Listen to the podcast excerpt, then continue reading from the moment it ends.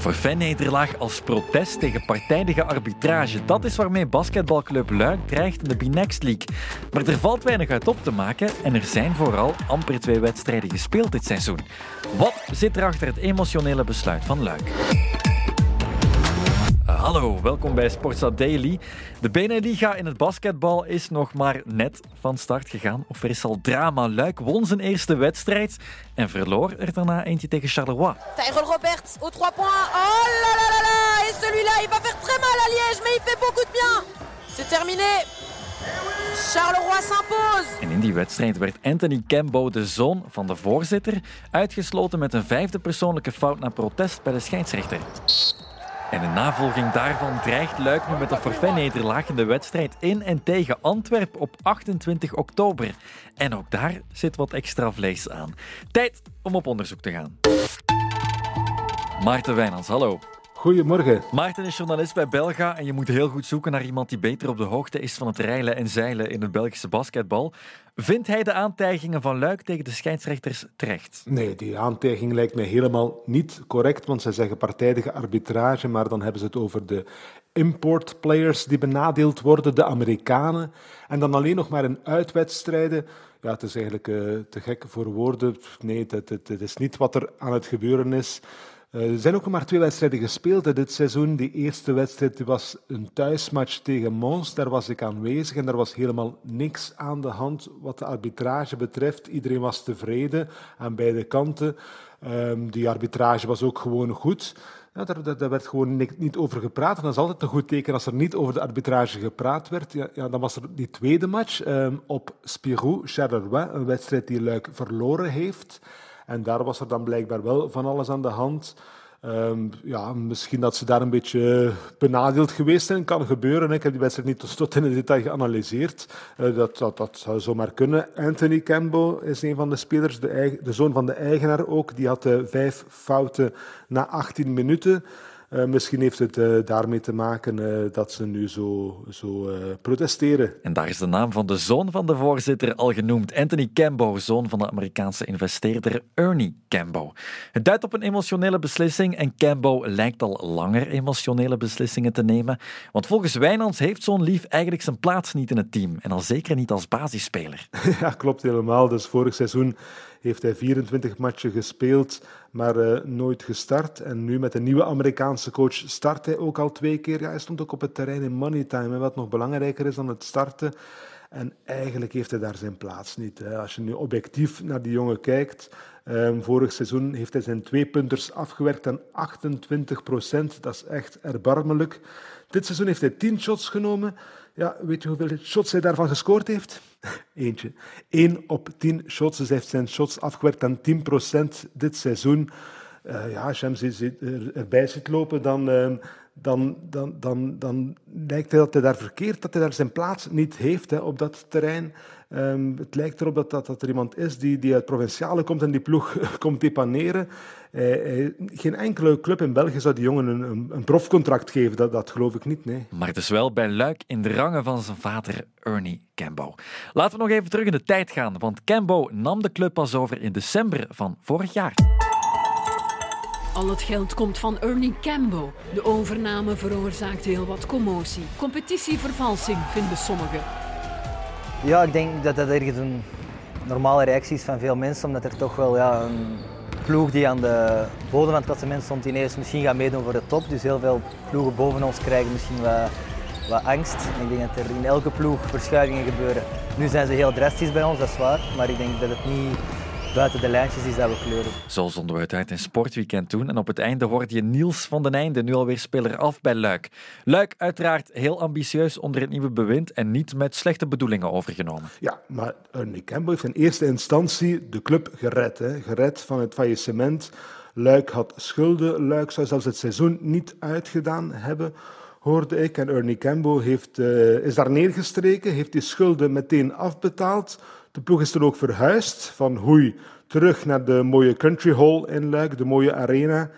En hij heeft geïnvesteerd in de club, hij heeft Amerikanen gebracht. Nu hebben ze een hele Amerikaanse coachingstaf met drie prof, profs Amerikanen. En ze hebben ook dit seizoen ook geïnvesteerd in België. Drie top Belgen hebben ze nu. Kevin Toomba, die hadden ze al.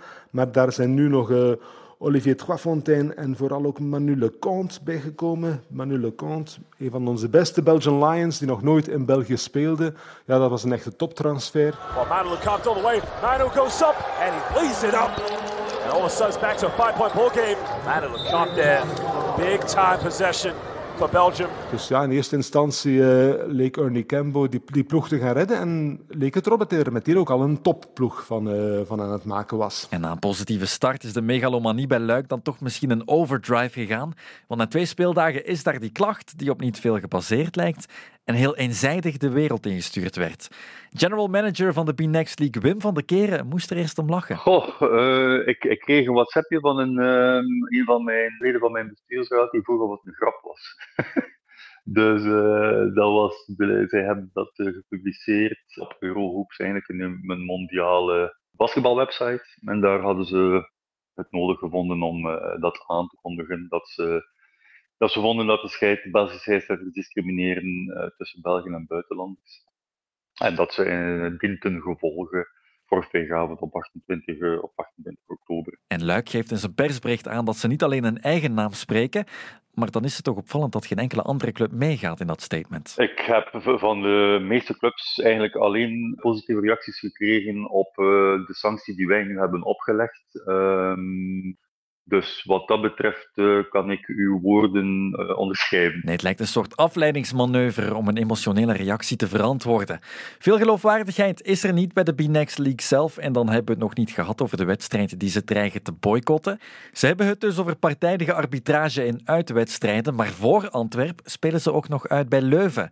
Er is natuurlijk wel wat voorgeschiedenis tussen Antwerp en Luik. Ja, dan moeten we helemaal terug naar het begin. Dus Ernie Cambo is voorzitter van de ploeg. Maar Ernie Cambo is ook mede-eigenaar van een spelersmakelaarsgroep, Pete Michael Agency. En ja, dat is iets wat niet kan natuurlijk. Je kan niet um, spelersmakelaar en voorzitter zijn. Ja, hij is misschien niet zelf makelaar, hij is mede-eigenaar, hij investeert in die spelersmakelaargroep, maar het is toch wel een, uh, een schemerzone waarin dat luik van in het begin zit. En wat gebeurde er dan? Um, vorig seizoen met kerst. Met kerst mogen de Amerikanen altijd een paar dagen naar huis. En een van de Amerikanen van de Antwerp Giants, Ham Jr., die keerde niet terug. Uh, die keerde niet terug naar Antwerpen. En die Ham die zat nu toevallig toch niet in een agency van Pete Michael, van dat agency dat betrokken is bij die overname van Luik.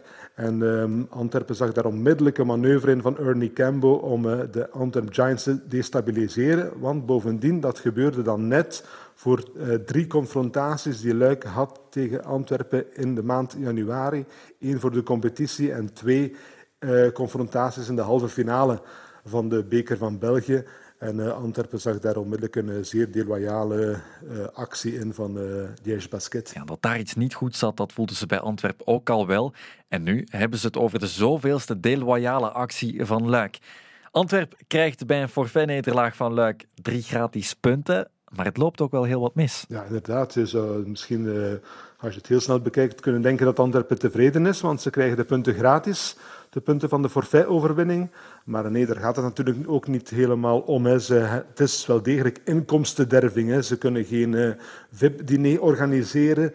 Ze kunnen geen mensen naar de zaal lokken. Ze kunnen geen tickets verkopen. Het is gewoon inkomstenderving voor de Antwerp Giants. En het is ook inderdaad helemaal niet toevallig dat uh, Luik dit, deze actie onderneemt tegen Antwerp Giants. Want uh, ja, ze willen dus die actie doen tijdens een uitwedstrijd van Luik. Want dat is het gekke aan de redenering. De Luik wordt blijkbaar niet benadeeld in de eigen country hall, maar alleen als ze verplaatsing spelen. Nu ja, de volgende match op verplaatsing van Luik is uh, naar Leuven. Maar blijkbaar vinden ze Leuven sympathieker dan uh, Antwerp Giants. En ondernemen ze de actie, de forfait, um, tegen, tegen, tegen Antwerpen. Dus dat is allemaal, uh, dat is allemaal niet toevallig. Hè. En bij Antwerpen eisen ze dan ook een schadevergoeding. En ook de B-Next League laat het niet zomaar passeren. Wees daar maar zeker van. Zoals gezegd heb, je kunt een punt maken intern. Je neemt deel aan de competitie, dan heb je rechten en plichten. En, um, dus je kunt intern een punt maken. Daarop staan overlegstructuren voor. Maar Maar als je op globaal niveau, zeg maar, de scheidsrechters, Belgische scheidsrechters die dan nog eens werknemers zijn, hè, mijn medewerkers, zegt dat die gaan discrimineren tussen België en buitenlanders, wat volledig van de pot gerukt is. Daden hebben gevolgen. Hè. Je kan er niet van uitgaan dat dat eh, ongestraft zal blijven. Dit, dit, wij werden ondertussen geïnterpelleerd door het hoofdarbitrage van FIBA van wat is er allemaal aan de hand. Dus, dus denken dat dat zomaar ongestraft kan, is, uh, is, is eigenlijk een beetje utopisch. En, en wij, wij achten dat de belangen van, van, de, van de league dusdanig geschaad zijn. En zeker indien zij hun actie doorzetten op 28 oktober, uh, verder geschaad zullen worden niet alleen van de league, maar overigens ook van Antwerp Giants, die, die toch economische schade zullen oplopen, eh, dat wij inderdaad hebben gezegd van kijk, als jullie dit doorzetten, dan, dan worden jullie uitgesloten uh, van de playoffs van uh, het seizoen 23-24. Dat is een harde sanctie en dan is de vraag of Luik zich op zijn beurt geïntimideerd zal voelen. Het lijkt een machtspelletje tussen de rijke Amerikanen, de B-Next, en de liga zelf. Dit is ongezien. Ik, het is nu mijn vijftiende seizoen dat ik als general manager bezig ben, ofwel van de Belgische League voorheen, maar nu van de B-Next League. Nee, met dat straffen heb ik echt nog niet moeten dreigen. Ik had ook nooit gedacht dat, uh, dat dat nodig zou zijn. Maar nu dus wel in het eerste volledige seizoen na die Amerikaanse overname van Luik. En dus al op de tweede speeldag. Raar moment. Ja, het is, het is heel, heel, heel erg raar. Hè. Um, want ja, na twee matchen van het seizoen moest het nu een opeenstapeling van nederlagen geweest zijn die ze dan zouden toegeschreven hebben aan de arbitrage. Dan zou je nog iets of wat kunnen inkomen in deze beslissing. Maar nu, na match 2, zoiets beslissen. Um, ja, dat is gewoon het seizoen weggooien. Hè? Want um, oké, wat gebeurt er nu? Normaal gezien krijg je één punt voor verlies en twee punten bij winst. Ja, op Antwerpen, als ze die wedstrijd effectief niet zouden spelen, gaan ze nul punten krijgen.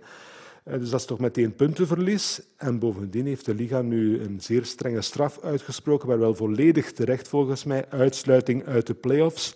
Dus ze gooien opeens alles overboord op het moment dat dat echt uh, ja, totaal niet, niet nodig was. Want uh, Oostende bijvoorbeeld, de grote concurrent en de grote favoriet elk seizoen opnieuw voor die titel, heeft al een match verloren dit seizoen, thuis tegen Limburg.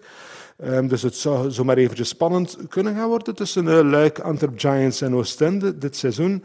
Maar kijk, ze gooien alles overboord door, um, door nu um, voor niet te komen opdagen op 28 oktober tegen Antwerp Giants. Of ze dat ook daadwerkelijk zullen doen, dat moeten ze laten weten op de korte termijn, volgens de deadline die de Binex stopstelde. Ja, we hebben dat op 10 oktober gezet. Natuurlijk um, blijft wel een dubbeltje op zijn kant voor mij. Daar, daar, ga, daar, daar moeten wij ook nog eens juridisch checken van het is niet omdat ze het nu aankondigen, voor hetzelfde geld komen ze toch spelen. Hè. Dus uh, wij hebben daar de deadline op gezet. En indien zij dat op de tiende bevestigen, ja, dan, zal, dan zal de sanctie na van hand zijn. Natuurlijk, de 28e is dan nog altijd niet gepasseerd. Hè. Dus de, de sanctie van het forfait, uh, de 20-0, de 0 punten in het klassement, die zal nog niet kunnen opgelegd worden. Uh, nog zal de financiële boete kunnen opgelegd worden. Maar je voelt toch ook aan, dat, dat, dat, dat, dat hoor ik uit wat ook veel mensen mij vragen, van ja, wat als ze dan toch nog willen spelen, als ze zich bedenken de week ervoor. Uh, ja, dan moeten ze dat maar aangeven, denk ik. Hè. Het zal nog te zien zijn of Antwerpen dat nog gaan regelen dan. Maar het is, het is wel een feit dat dat een, een ongeziene situatie is. En, en nogmaals, waar, uh, ja, waar we vandaag de dag mee zullen moeten omgaan en, en managen zo goed, dat we, zo goed dat we dat kunnen. Voilà, Luik heeft een kleine week om te bezinnen of uiteindelijk toch zijn staking door te zetten. Ik heb er geen idee van. Ik denk dat het een heel emotionele beslissing is van, van Luik. Um, maar het is ook wel iemand, die Ernie Campbell, die, die gewoon is van zijn zin te krijgen. En die nu een beetje ja, zoals een uh, verwend kind um, acteert die zijn zin niet krijgt. Dus ja, ik durf echt niet te voorspellen wat, wat Luik nu gaat doen. Ja, je zou kunnen denken van als ze een beetje gezond verstand gebruiken, dan gooien ze toch niet alles overboord. Ik denk dat de, de Belgische spelers ook, voor hen is het toch bijzonder jammer hè, dat een, eh, een baas dit doet, want zij willen resultaten boeken op het terrein. Zij doen dat ook. Olivier Trafontaine speelt momenteel heel goed basketbal. Um, maar ja, dan, waarom zou je dat nog verder doen? Waarom zou je nog je zo blijven inspannen als, als je baas alles weggooit? Dus ik heb er geen idee van of daar in de wandelgangen misschien toch een klein beetje druk aan uitgeoefend worden op die Ernie Cambo om hem van, van gedacht te doen veranderen. Je kan het alleen maar hopen, want het is, uh, dit is slechte reclame. Ik heb ook nog nooit zoiets gehoord. Hè. Ja, jij bent sportjournalist, Jonathan, jij weet dat beter dan ik, maar ik heb nog nooit van zo'n verhaal gehoord in het voetbal of gelijk waar, dat iemand ontevreden is over scheidsrechterlijke beslissingen en dan meteen een forfait geeft en zichzelf zo benadeelt. Dus dat is een hele een heel kwalijk, kwalijke zaak. En een eerste verlies voor het ambitieuze project van Luik. Ernie Cambo gaat zijn zin niet krijgen, maar het dreigement kan toch nog bewaarheid worden. De B-Next League staat alleszins sterk in zijn schoenen en dreigt met harde sancties. Wacht misschien nog eventjes met kaartjes te kopen voor Antwerp-Luik. En kom er vooral morgen opnieuw bij in een nieuwe Sportsa Daily.